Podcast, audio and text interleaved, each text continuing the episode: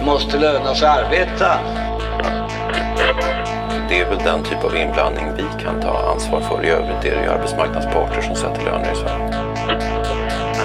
Sticka en nål i en arm i Italien eller i Sverige borde inte vara jättestor skillnad egentligen. För mig är det viktigt att vi har verktyg och redskap om det är så att konjunkturen vänder. Välkomna till Arbete och fritid, Arbetsvärldens podd som spelas in torsdag den 19 november. Är svensk skola en tickande bomb? Ja, det är i alla fall titeln på en ny bok av skoldebattören Linnea Lindqvist som är rektor på Hammarkulleskolan i Göteborg. Självklart ska vi också få rapport från en jobbig värld idag som rapporterar från eh, julstökets värld. Idag har vi med oss Linnea Lindqvist som är rektor på Hammarkulleskolan. Du sitter hemma idag. Ja, precis. I mitt hemmakontor. Välkommen till podden. Tack så mycket. Tack. Och Samuel Engblom, samhällspolitisk chef på TCO, är med som vanligt. Det stämmer. Välkommen. Tack. Du är också hemma i eh, barnens rum och poddar därifrån. Ja, jag tog ett barnrum så jag ska vara säker på att inte bli störd. Just det, av barnen. Mm. Mikael Fältbom heter jag och är chefredaktör på Arbetsvärlden. Jag sitter faktiskt på kontoret idag, har tagit mig in med cykel. Linnea, jag tycker vi börjar med att du får berätta lite var du jobbar till vardags. Vad är Hammarkullen skolan för en skola? Eh, Hammarkullskolan är en F3-skola, så det är förskoleklass till årskurs 3. Som ligger i Hammarkullen som är ett av de områden som polisen eh, benämner som ett särskilt utsatt område. Eh, vi har ungefär 220 elever i grundskolan. Och sen har vi även en grundsärskola. Eh, Och vi har ungefär 99,1 procent elever med ett annat modersmål. Så att de allra flesta eleverna, eller majoriteten, har svenska som sitt andra språk. Hur många procent sa du? 99,1. Wow. Vi får ju en väldigt god bild av din vardag i den här boken, En tickande bomb som du precis har skrivit. Du börjar ju till exempel med exemplet Mohammed som du möter redan som fyraåring och som börjar få problem där. Du kan väl berätta vad som händer? Ja, precis. Och det är, jag jobbade i förskola en period när jag började som, som lärare. Då. Eh, för det fanns inga jobb i skolan just då. Och jag gick ut 2007 tror jag var från lärarutbildningen. Men i alla fall, Mohammed är en pojke som lever i ett ganska, eller levde, eller lever. Eh, då bodde han i ett ganska så här, klassiskt hem i förorten. Det var trångbott. De bodde, vad var det, totalt där var de väl sju stycken i en trea. Eh, Mohammed togs hand väldigt mycket om sina äldre syskon för att föräldrarna jobbade. Eh, pappan körde taxi och mamman pluggade. Han var ute mycket med sina bröder på torget. Ibland när jag gick hem sent på kvällarna så såg jag att han var ute och då var han ju fyra. Jag jobbade där när när jag var fyra, fem. Och jag tänkte mycket liksom på att han skapar ju som relationer med de äldre killarna vid väldigt, väldigt ung ålder. Så att, eh, och där gjorde vi som vi alltid gör. Vi gör liksom orosanmälan till, till socialtjänsten när det finns oro. Men sen jag slutade där och sen träffade jag en gammal kollega för, ja det var ju tio år senare.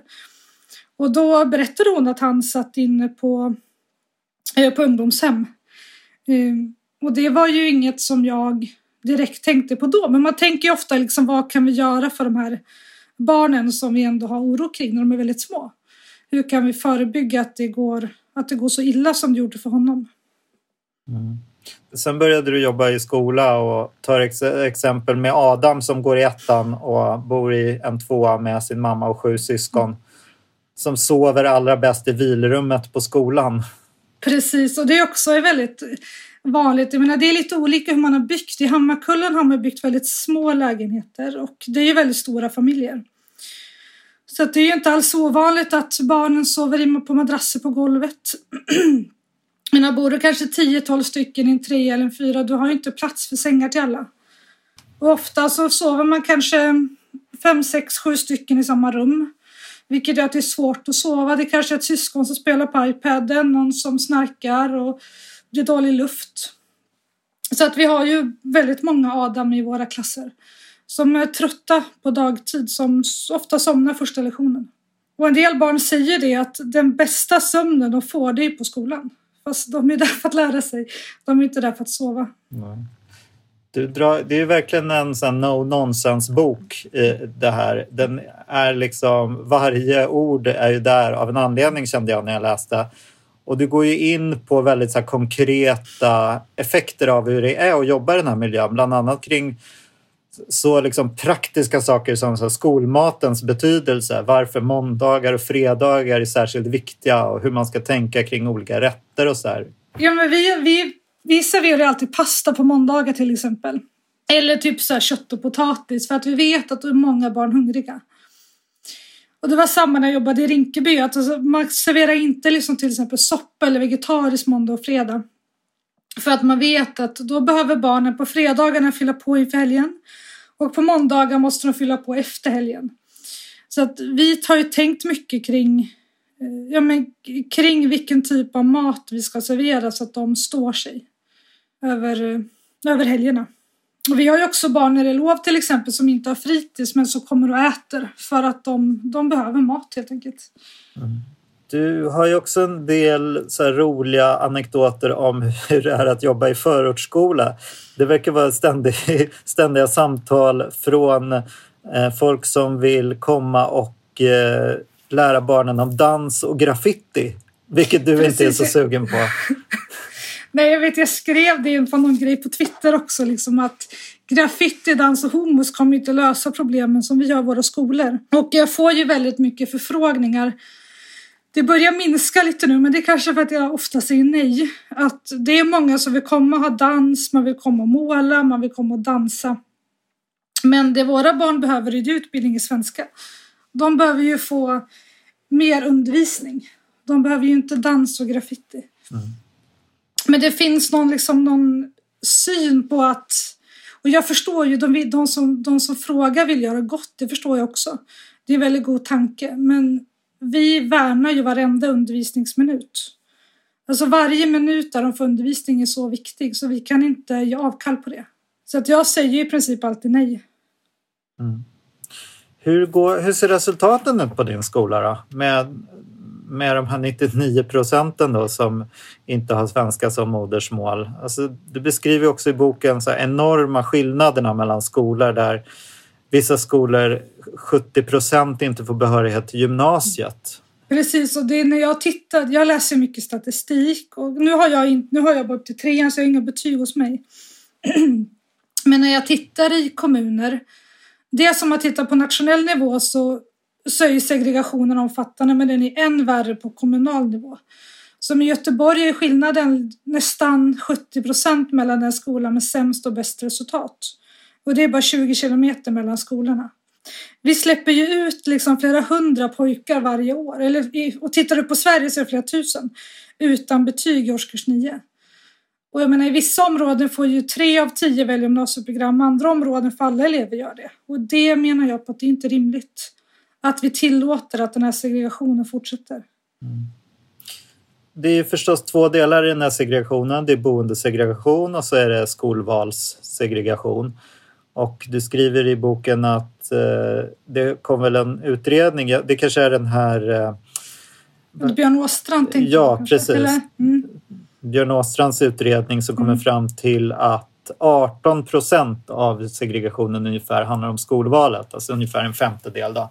Och Mm. resten är boendesegregation. Du beskriver också en, en situation i den här boken hur det kan gå till när du får besök av några föräldrar som frågar dig då hur det går till när man ska försöka flytta och byta skola. Vad drar du för slutsatser av det där? Nej, men jag kan, jag kan förstå det ur föräldrarnas perspektiv. Alltså den, just den där händelsen, det var ju föräldrar som ville flytta från området. De frågade mig kan jag, liksom, hur kan jag söka lägenhet någon annanstans i Göteborg? För att de, nej men det var för osäkert i området, de är oroliga för att barn inte ska läsa svenska. Och det är också det att vi blir ju väldigt mycket ett medborgarkontor. Alltså de, föräldrar kommer till oss med alla möjliga frågor. Allt från Försäkringskassan till liksom barnbidrag till hur man söker lägenhet. De kommer ofta till oss när de blir vräkta till exempel, ingenstans att bo. Eh, Så vi får hjälpa dem och hänvisa dem till, till socialtjänsten för att få vandrarhem. Så att de kommer till oss med alla möjliga frågor. Mm. Och sen är det ofta så att när de söker inför årskurs fyra så kanske de vill gå på en, en annan kommunal skola eller en friskola. Men då säger ofta de fristående skolorna att ni måste komma i årskurs tre för annars får ni ingen plats i fyran.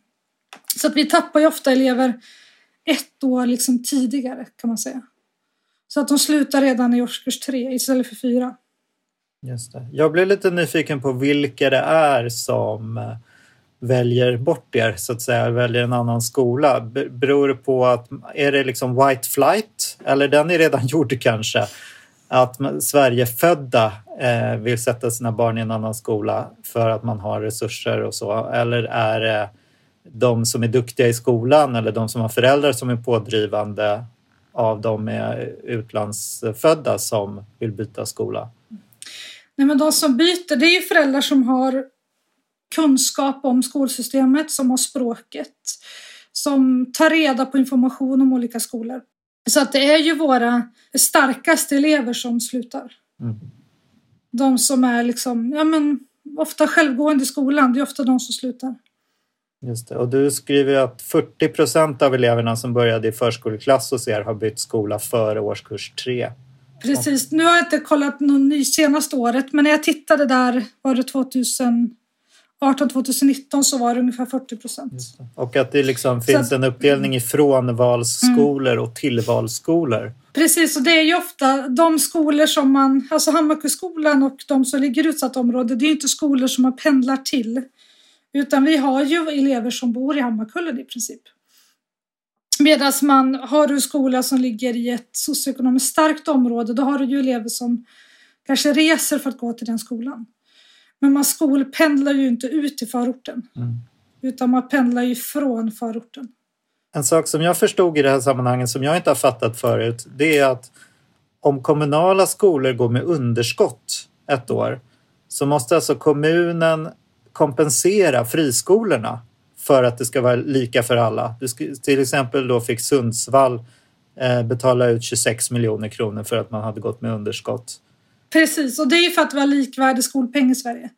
Så att om, om, nu är det ju inte på skolnivå, men man tittar ju på förvaltningsnivå. Då, som grundskoleförvaltningen i Göteborg går back.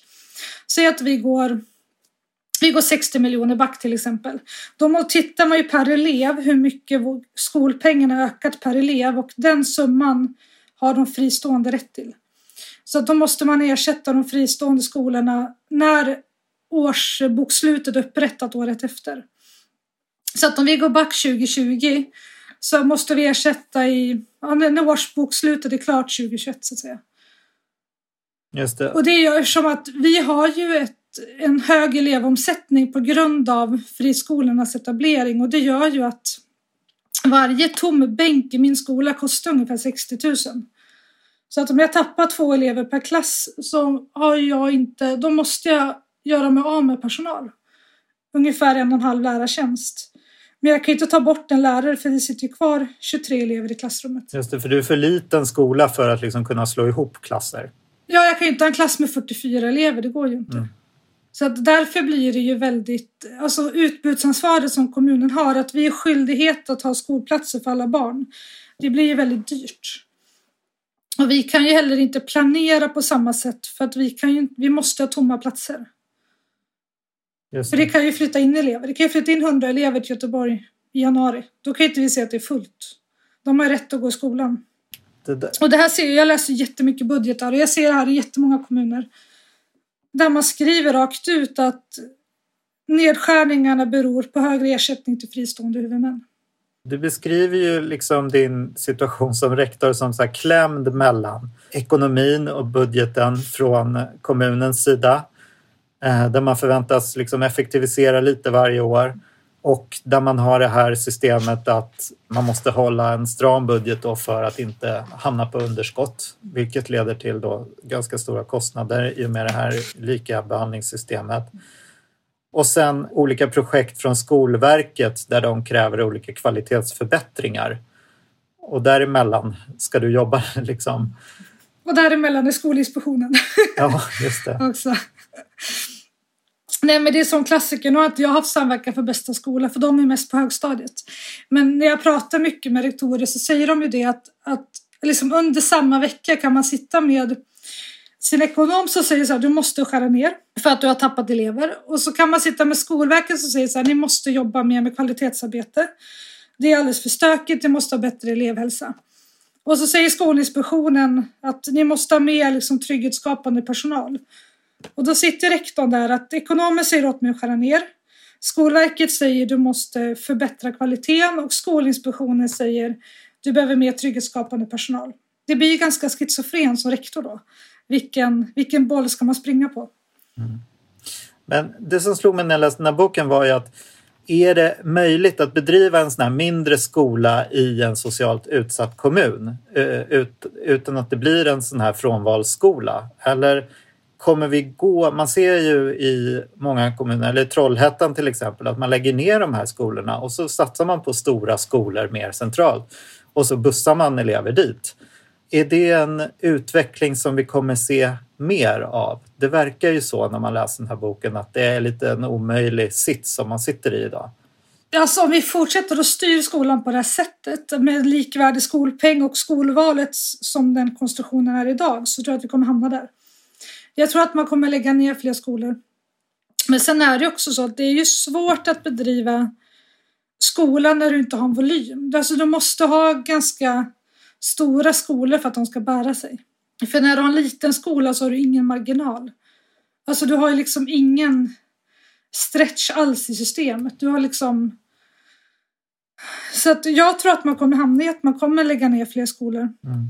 Om vi inte ändrar skolans styrning. Jag hoppas jättemycket på Björn Åstrands förslag där med reducering av skolpengen för fristående skolor. När jag la ut eh, frågan, så här, vad ska vi fråga rektor Linnea om här eh, i den här podden? Eh, då var det någon som sa, apropå en krönika som hade skrivit av Stigbjörn Ljunggren, eh, att eh, vad skulle krävas för att Eh, din skola skulle kon kunna konkurrera med de här friskolorna? I den här krönikan var ju slutsatsen att ja, men problemet är ju att eh, man inte konkurrerar tillräckligt bra. Är det det som är, är, det, är ni för dåliga helt enkelt? Kan ni göra någonting för att konkurrera med de här skolorna så att ni faktiskt lockar elever? Alltså jag tror att konkurrens är bra om man hoppar höjdhopp, men inte om man ska utbilda barn. Det är liksom min, min ståndpunkt. Nej, men jag tänker det handlar om hur vi ser på skolan, tänker jag. Problemet som har blivit i Sverige sedan vi införde friskolereformen och framförallt 97 när, när de fick eh, likvärdig skolpeng, det är ju att skolkoncernerna har etablerat sig. Och de har ju ett mycket lättare elevunderlag. De har ju lyckats med sin marknadsföring så himla väl. De har ju sålt in sig som skolor med jättebra trygghet och studiero med hög kvalitet och så vidare. Men när man skrapar på ytan ser man att det stämmer ju inte. När man tittar på till exempel Engelska skolans den här skolenkäten, de har ju inte bättre trygghet och studiero än andra skolor. Eller om man tittar på resultaten ser man jätte, väldigt omfattande betygsinflation. Så att de har ju sålt in sig att de skulle vara bättre. Och jag menar på att det är systemet som är dåligt, inte de kommunala skolorna som är dåliga. Samuel, vad tror du om den här utvecklingen? Liksom, finns det sätt för de här skolorna att konkurrera sig till fler elever eller kommer vi få se en utveckling där man lägger ner mindre skolor i utsatta förorter? Men först vill jag säga så här att jag tycker att det här är en väldigt bra bok. Eh, och den hamnar lite i en genre som inte är så vanlig, nämligen att det är ju ena sidan de här, som du också har nämnt, de här väldigt konkreta historierna om vad som händer. Å andra sidan en väldigt tydlig koppling till systemet och strukturerna och dessutom väldigt pedagogiskt. Så det måste jag säga, jättestort liksom, tack till, till Linnea som har skrivit den därför att det, för mig var det väldigt roligt att läsa. Eh, det är väldigt lättillgängligt men går liksom djupt in i frågorna. Och det är det här som, det, det finns ju liksom skildringar som är då eh, där man mer gör det är liksom mer, mer som ett liksom reportage och pratar om människor och sen kan du ha en statlig utredning i andra änden. Det här är ju liksom den felande länken mellan de två väldigt väl som för ihop det, liksom, den enskilda berättelsen med strukturen. Och jag, det här eh, kapitlet som heter En budget i balans till exempel tycker jag är väldigt bra. Det är eh, liksom illustrativt och jättetydligt. Det var ju det ni pratade om innan det här när de här olika kraven kommer. Man ska skära ner på man, man tvingas skära ner därför att det är elever som, som har lämnat och, sen samt, och, då, och då kan man inte, man kan inte lämna en klass utan lärare så då får man skära ner på det runt omkring. Och, och sen kommer det då andra krav på att det är just de sakerna man ska satsa på. Så jag tycker det, det är, är, är väldigt bra så. Eh, sen blir man ju lite man blir lite deprimerad när man läser den också därför att det blir så uppenbart hur systemet är riggat. Och att det är riggat mot den här typen av skolor. Det är ju det. Så man kan inte prata om konkurrens om man inte har eh, om, om den inte är likvärdig, om man inte har samma förutsättningar. Och här är det ju så uppenbart att, att systemet är riggat mot de Eh, kommunala skolorna som då har helt andra krav på sig. Jag tror att under det här rådande systemet så går det inte att komma åt och då kommer vi få en situation där, där man vidtar liksom, ja, allt mer desperata åtgärder. Och det är väl det här med att lägga ner skolor då eh, en, en sådan. Sen kan man ju fundera på när man planerar nya skolor, var man lägger dem. Var lägger du dem i ett bostadsområde? Eh, jag menar, jag är uppväxt på en lite mindre ort i Sverige eh, större delen av min tid. Eller jag bodde på massa ställen, men bland annat bodde jag i Växjö sex år. Eh, och då var det ju så att där låg ju skol, skolorna där låg ju i områden, mitt i områden som ändå var ganska blandade. Det fanns olika, och då blev ju upptagningsområdet ganska blandat och då får du ju en blandad skola. Men så ser det inte ut i, i storstäderna till exempel. Så ser det definitivt inte ut i Stockholm på grund av boende. Eh, segregationen. Eh, det jag är lite rädd för också är det här att, vi, att det känns lite grann som vi hamnat i någon form av politisk fälla här. Att, att jag tror att det, det, liksom, ja, Björn Åstrands utredning, den här boken. Eh, jag, vet, jag har ju sett mycket av det som, som Lärarförbundet gör på området. Johan Ernestam som är utredare där har också gjort väldigt pedagogiska saker om hur kösystem fungerar och sånt. Eh, OECD har kritiserat eh, Sverige. Eh, det finns liksom så mycket som talar för att systemet behöver förändras. Men då är ju frågan om, om, om, man, om man klarar av det. Och bara en sån liten fråga som offentlighetsprincip så att vi kan se till att vi även framöver kan ha bra statistik och kan fortsätta följa de här sakerna. Den får ju någon sorts politisk dimension och trillar in i någon sorts januariavtalslogik där saker och ting blockeras. Va? Det gör ju mig väldigt liksom, bekymrad över framtiden. Eh, samtidigt så, så, så, så tror jag nog att, att liksom, på sikt så, så, så är det här systemet är så ohållbart så det måste förändras. Frågan är till vad? Det är en annan fråga vi har fått när vi sa att Linnea skulle gästa podden. Det här, alla är ju överens om att segregation är någonting dåligt. Eh, men ändå så hör man ju ofta från Friskolornas riksförbund och flera politiska partier att det är liksom lösningen är inte att diskutera elevernas bakgrund utan det som är viktigt är att alla skolor är bra oavsett bakgrunden. Det var citat från Ulla Hamilton i P1 till exempel. Vad beror den här inställningen på då? Varför blir det så här som du beskriver Samuel? Men man kan säga det finns ju uppenbar en del, alltså det finns ju här eh, ganska starka intressenter i det här systemet eh, nu. Jag menar det har, det har funnits under en längre tid eh, och det finns stora som, som aktörer eh, som, där, som, för vilka det här betyder en hel del vad gäller pengar. Eh, och så. Sen kan man också fråga sig frågan, och det är väl en sån politisk fråga som vi kommer se framöver då, hur, hur mycket är, vilken faktor kommer föräldrarna vara om man försöker förändra detta? Kommer du få liksom föräldrar eh, på dig eh, om du, du eh, den, den, liksom den politiker som, som vågar förändra detta? Så hur kommer väljarna reagera? Eh, och det eh, är ju, eh, tror jag kommer, kommer liksom vara avgörande. Vilka, vilka Eh, vilka intressen vågar partierna utmana? Eh, jag tror att det finns partier som vågar utmana så att säga, det faktum att det finns liksom, starka ekonomiska intressenter. Frågan är, kom, men vad händer om man då också samtidigt upplever att man, att man utmanar föräldrar som är rädda för att systemet ska förändras på ett sätt som, som missgynnar dem? Ja, för det var en annan en kommentar som dök upp här att ja, men min son går i en fristående gymnasieskola och det är jättebra. Eh, det är klart att det finns många som gillar att gå i de här skolorna och då får man ju föräldrarna emot sig om man säger att man ska förändra det, kan man tänka sig. Det hör jag jätteofta. Det är Ståla Hamilton alltid säger. Hon, hon gillar, alltså hon går ju ofta på, för jag menar, alltså man tittar rent statistiskt så 60 procent av elevernas meritvärde kan man ju höra till deras bakgrund. Och vi vet ju att elever som har föräldrar med låg utbildningsgrad, de har svårare att klara skolan. Och när man till exempel på min skola har 99,1 procent elever med utländsk bakgrund och man har 24 procent av föräldrarna som har en utbildning. Det är klart att de har det svårare att klara skolan.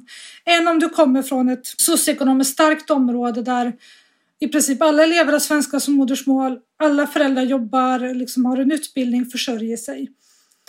Och jag menar på att man kan inte prata om bara vad man gör i klassrummet, man måste också prata om vem som, vilka som sitter i klassrummet. För att det är helt avgörande för resultaten. Och där, där håller inte Ulla med mig, vi är ju väldigt oense om det. Jag menar på att det, är, att det som påverkar resultaten är främst de som sitter i klassrummet, det är inte vad man gör i klassrummet. Mm. En sån där fråga som, eller kanske har hängt med ända från början med friskolornas tillkomst, är väl argumentet att ska man hindra den duktiga, studiemotiverade elev från en utsatt förort som vill välja en skola där andra elever är studiemotiverade, det vill säga kanske välja bort den lokala skolan. Då. Ska man hindra den eleven från att göra det och sätta henne i den här lokala skolan där alla då går, då kanske då främst de som inte är så studiemotiverade och då på det sättet då kanske göra det till en tuffare skolgång. Det är ju det det där valet kommer ner till i slutändan. Men, Ska men man tycker, inskränka den friheten så att säga? Men läser man Björn Åstrands utredning så, så är det väl så att där finns ju ett förslag om att bevara skolvalet men att faktiskt göra det mer jämlikt i det att, att eh, jag menar, nu har vi då ett, ett, ett skolval som bygger på att ska du ha en reell möjlighet att välja i många ställen eh, Eh, om vi tar Stockholm till exempel, så ska du sätta dina barn i massor av köer när de är jättesmå. Innan du har någon eh, eh, aning om vilken typ av skola som skulle passa det här barnet. Om vi tänker att det här är något sorts pedagogiskt val du gör. Nu pratar du ganska lite om det, du att olika skolor ska ha olika pedagogisk inriktning. Långt innan du ens har en aning om detta, då ska du sätta ditt barn i en massa olika köer. Va? Ja, så många du kan. Eh, och det är det då som sen avgör vilken, vilka valmöjligheter du har i praktiken på många ställen. Och det, det är ju inte ett, ett, ett rättvist skolval. Och det är ju inte det som gör att den som då i, i, när man har kommit igång i skolan, sett hur det fungerar, liksom i det läget kan välja eh, en annan skola.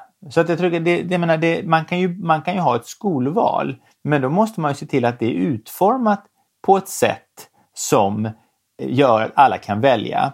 Och sen måste man ju se till att skolorna har incitament att locka med rätt saker och inte med fel saker. Ja, vad säger du Linnea?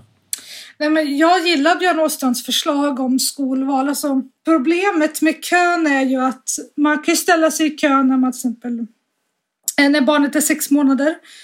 Och det gör ju att kön blir ju väldigt segregerande för att det är de som har kunskap om systemet och ja, som ställer sig i kö och när kommer du inflyttad så har du ju ingen chans för då är skolorna fulla. Så att jag, jag tänker ju generellt både vad gäller skolpeng och vad gäller kön och skolval att eftersom att både fristående skolor och kommunala finansieras av skattemedel så ska, ska det vara jämlika spelregler. Och det är det ju inte idag. Mm. Så att jag menar på att skolvalet ska ju gå till på samma sätt oavsett om vilken huvudman det är. Och om vi ska ha ett fritt skolval, om vi ska behålla det. Och vad tycker du? Du skriver i boken att vi ska ha ett skolval men vi ska förbjuda vinstuttag. Ja, problemet med vinster är främst hur vinsten blir till. Och den blir ju till genom att fristående skolor har ett lättare elevunderlag. De får ju samma skolpeng men de bedriver undervisning till en lägre kostnad. Och då uppstår ju vinst.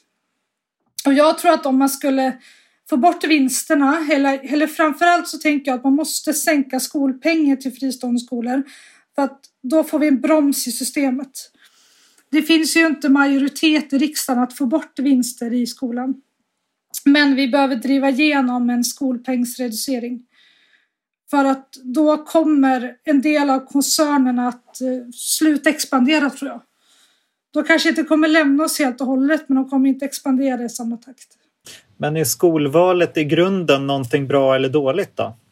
Nej, men jag tänker att man absolut kan ha ett skolval om det är på, på samma villkor. Och det jag pratade med en som jag också skriver om i boken som har jobbat i över 30 år i ett utsatt område. Och hon ser också skillnaden i innan friskolereformen så var det, jätte, då var det en stor blandning av elever. Men allt efter 97 där när, när koncernerna började expandera då såg hon jättetydligt hur, hur alla elever med svenska som modersmål försvann successivt. Så att hon har ju sett de senaste 15 åren har blivit en jättestor skillnad i skolval, alltså i vilka som går i de här skolorna. Och nu har vi i princip bara elever med annan bakgrund. Och kommer man åt det genom att förändra kösystemet och eh, ta bort vinsterna då i din? Man kommer inte komma bort från det, men man kan, man kan mildra lite grann, tänker jag. Jag tänker att vi behöver få en, en, en mer allsidig elevsammansättning. För nu, om man tittar på mina elever till exempel, så de vistas i en miljö där svenska är minoritetsspråk. Fast att de är födda och uppvuxna i Sverige. Det påverkar språkutvecklingen jättemycket och när språkutvecklingen påverkas så påverkas hela kunskapsutvecklingen. Så att jag tror att det är helt nödvändigt att vi får en, en bättre blandning av elever. Skolval är ju en del. Och sen också att vi måste, skolpengen är ju central där därför att det är skolpengssystemet som också gör att du får så mycket nedskärningar i kommunala skolan. Så att vi, behöver, vi tar ju bort så mycket av elevhälsa, av liksom trygghetsskapande personal och stöd till barn. Vilket gör att skolorna upplevs som stökigare och kunskapsresultaten sjunker ju. Och det är ju jättemycket på grund av skolpengen. Att den är orättvis. Lagen säger att skolan har ett kompensatoriskt uppdrag. Hur ska man se på att det egentligen inte upprätthålls med dagens system utan tvärtom motverkas? Jo, men vi har ett kompensatoriskt uppdrag men vi har ju ingen möjlighet att ta det uppdraget så att säga. Och det betyder ju inte att vi ska göra föräldrarnas jobb men vi ska ju kompensera för det hemmet inte kan ge. Det är jätteviktigt. Och det uppdraget kan vi ju inte ta med tanke på att vi behöver ju ta bort så väldigt mycket kring personal runt lärarna. Så att det kompensatoriska uppdraget läggs på den undervisande läraren och de hinner ju inte det. Så att det blir en väldigt stark samvetsstress hos personalen.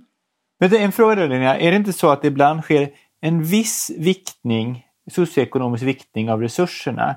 Eller är det bara inom en kommun och mellan de kommunala skolorna? Eller hur fungerar det? Nej, det, det finns inget som säger att du måste ha en viktning. Många kommuner har det. Men jag ser också nu när jag läser budgetar för alla kommuner att det är ofta det man skär ner på. Jag läser till exempel Borås, Mundal tar bort, Sala, jättemånga kommuner tar bort eller halverar viktningen. Om en kommun kanske viktar 2-3 procent, det blir liksom, det är inga pengar, det räcker liksom inte till en, en tjänst. Och dessutom tänker om man har en sån viktning då kommer ju de pengarna från de skolorna då som inte har det socioekonomiska Och då är risken att då börjar de föräldrarna välja bort. Jag förstår det, då, då får du, kan du få en, en, en, Om det går långt så kan du börja då föräldrar välja bort de skolorna också. Så det där är ju lite... Fast i de flesta kommuner är viktningen bara några procent. Den är så, det, så det är så lite inte, pengar. Nej. nej. Alltså säg att du kanske får 70, 50 eller 70 000 per år. Det är liksom... Det är små pengar. Samuel, hur ser du på det här med kompensatoriskt eh, uppdrag i lagen och hur skolan ser ut idag? Som jurist. Alltså, jo, men du ska säga så här, jag menar, det är ju... Eh, om vi har lagstiftning som säger att skolan har ett kompensatoriskt uppdrag och sen riggar vi ett finansieringssystem och ett styrningssystem eh, av skolan som gör att skolan, skolor inte har möjlighet att uppfylla det kompensatoriska uppdraget. Då tycker man att någonstans borde det ske en prövning. Ja? Som säger att här, men här har ni det här, de, de, de här regelverken säger emot sig själva. Va? Eh, finansiering och styrningsregelverket är inte utformat på ett sätt som gör att skolan kan utföra sitt uppdrag. Då måste finansierings och styrningsregelverket falla. Va? Då måste vi börja om och bygga upp det, bygga ett nytt sånt. Va? Det är ju det man tycker att, att på något sätt någon instans borde ha möjlighet att, att, att, eh, att liksom göra den bedömningen. Då kan man säga att Riksrevisionen gör ju sånt ibland i sina rapporter, just den typen av bedömningar. Eh, så jag tror att det, det är ju liksom, vi får ju hoppas då att dels att det byråkratiska maskineriet maler på och att samtidigt politiken tar till sig eh, detta och, och ser till att och, och liksom bygga om systemet på ett sätt som gör att skolan kan göra det som politiken har sagt att skolan ska göra. Mm. Sen finns det en annan intressant rättslig fråga som handlar om, också om finansieringssystemet. Och det är nämligen så att det, det finns experter som säger att det svenska skolpengssystemet kan strida mot EUs regler om statsstöd. Och det handlar då om att skol, eh, liksom, de fristående skolorna eh, då är aktörer på en marknad Eh, Eh, de eh, får då en, en kompensation för den, den, den tjänst de levererar. Sen kan de ta eh, den, de pengarna, överskottet där, och använda dem till exempel investera och bygga upp skolor i andra länder. Och andra, skulle vara andra länder inom EU och EES i sådana fall. Att titta på. Och då skulle en aktör i de länderna kunna säga att aha, den här svenska konkurrenten som kommer in här nu, eh, de eh, har ju, får ju överkompenserade hemma. Sverige eh, liksom göder våra egna företag. Eh, eh, vi överkompenserar dem vilket gör att de kan då ehm, eh, eh, expandera på, på, på en marknad och därför så ger vi då, då statsstöd. Precis som man skulle ge statsstöd till stålindustri eller något sånt där. Och det är ett ganska, jag, jag har läst det argumentet och tycker det är ganska väl underbyggt faktiskt att, att, att fundera kring det. Så, så där har du en hård rättslig fråga som man skulle kunna pröva. Och sen får man fundera över det rent liksom konkurrensrättsligt. Eh, jag är inte någon expert på den typen av konkurrensrätt, men det skulle vara intressant att veta att, att kan, man, kan, du egentligen, kan du ha eh, aktörer på samma marknad med så väldigt olika förutsättningar, där man då får samma kompensation, eh, då, samma betalning per elev eh, då, i grunden, men några aktörer måste göra så mycket mer än andra aktörer. Eh, då. Det skulle det... också vara intressant att, få liksom prövat lite mer på djupet. På Just det. Vilka, eh, kommer det här lösas då genom att Riksrevisionen gör en utredning och politikerna kommer eh, mala den och eh, göra det de ska? Eller vem, ska, vem skulle kunna driva de här processerna? Ja, det, tycker man, det, det har vi ju inte riktigt någon instans för i Sverige. Eh, och då som du säger, det är ju då, typ, men en typisk fråga för Riksrevisionen och, olika, och den typen av eh, instanser. Sen kan man väl säga att Björn Åstrands utredning, den säger ju också det. Ja? Och det tycker jag att det är bra att det är Linnea och andra som så hårt nu trycker på hur, alltså det här med hur systemen är riggade. Att det är det, och det är det vi måste prata om. Jag har väl tyckt ibland att en del av den här debatten om vinst i välfärd har handlat om hur mycket vinst ska man få ta ut. Men det intressanta är hur är systemet riggat? Vad kan du göra vinst på? Och det är här att om vinsten skapas genom att du väljer rätt elever, ja, även för den som är liksom väldigt marknadsliberal så tror jag inte man tycker att det är rätt eh, sak man ska få göra vinst på. Precis, det är också tar upp hela tiden, genomgående boken just att segregationen, jag tänker så här när barn från olika bakgrunder inte möts så får ju det konsekvensen att de lär sig inte fungera när de är barn. Då är det klart att de inte heller fungerar när de är vuxna sen. Alltså det får ju sådana enorma konsekvenser för samhället. När barn inte får träffas och möta barn med andra bakgrunder. Tack Linnea och vi ska väl också rekommendera din bok tycker jag, En tickande bomb. Den kanske alla som eh, på ett eller annat sätt jobbar med skolan eh, skulle ha glädje av att läsa. Jag hade i alla fall och det. alla som har barn i skolan kanske. Och även de som har barn i skolan, just det. och de som bestämmer över skolan. Precis. Den borde ju vara obligatorisk för alla som sitter i en utbildningsnämnd. Eller i en kommunstyrelse. Verkligen. Ja, men för den är lättläst, upprörande och to the point, verkligen.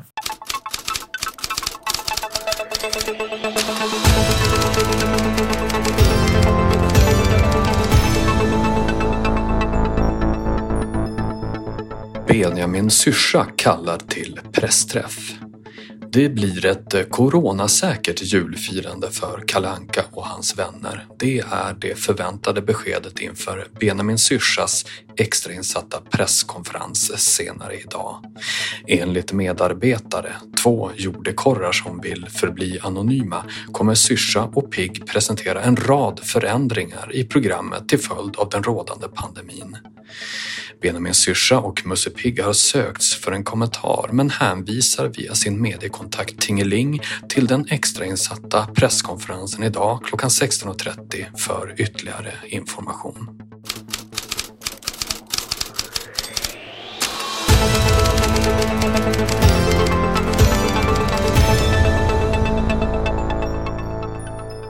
Ja, kommentarer på det? Nej, men det är väl så att när man, idag när man ser saker, alltså filmer och tv-serier och så, som är inspelade före, så reagerar man ju ibland på att folk håller på att kramas och är för närgångna mot varandra. Så det finns ju en poäng i det han skriver, att man, man reagerar ju faktiskt när de inte gör som man ska. Nej, jag tyckte det var väldigt on point. Alltså jag tänker att vi nu måste alla verkligen dra sitt strå till stacken för att minska smittspridningen. Och det var väl också lite det han ville säga, att tänk till även i jul som är liksom en helig helg för i Sverige. Men att vi verkligen måste tänka till. Ja, vi får se hur smittläget utvecklas och mm. hur julen kommer se ut. Man kan väl säga det också, jag nämnde ju Snövit och de sju dvärgarna och det är väl så att Prosit, han börjar ju självisolera för att han har förkylningssymptom. Han tar sitt ansvar. Då återstår väl egentligen att säga tack till alla er som har lyssnat. Tack till Linnea som har varit med och berättat om sin vardag och sina tankar kring systemet och eh, till Samuel som alltid är en klippa i den här podden. Även till Anders Ljung som klipper podden. Han behöver en shout-out. Han kanske vill klippa fler poddar. Alla som lyssnar på den här podden har säkert en egen podd som behöver klippas. Och eh, sen kan vi också säga, förutom att man ska prenumerera på podden, ska man även prenumerera på Arbetsvärldens nyhetsbrev som man får i mejlen. Och varför inte gå med i vår nystartade Facebookgrupp där man kan diskutera arbetsmarknadsfrågor. Den heter Arbetsmarknadsutskottet. Och där kan man ansöka om medlemskap så kan man med och diskutera med folk som är intresserade av de frågorna. Det tycker jag ni ska göra. Bra, då säger vi tack och hej för den här gången så hörs vi igen om två veckor. Tack så mycket. Hej då.